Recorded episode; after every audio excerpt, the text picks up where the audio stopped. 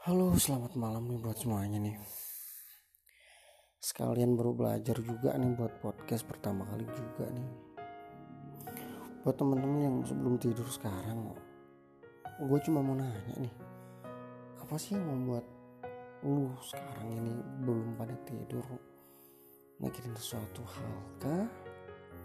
Atau mikirin si doi kah? Aduh tapi enjoy ya untuk malam ini. Yang masih belum pada tidur masih ada gue lah. Gue bakal nemenin lu semua. Sampai lo tidur oke? okay?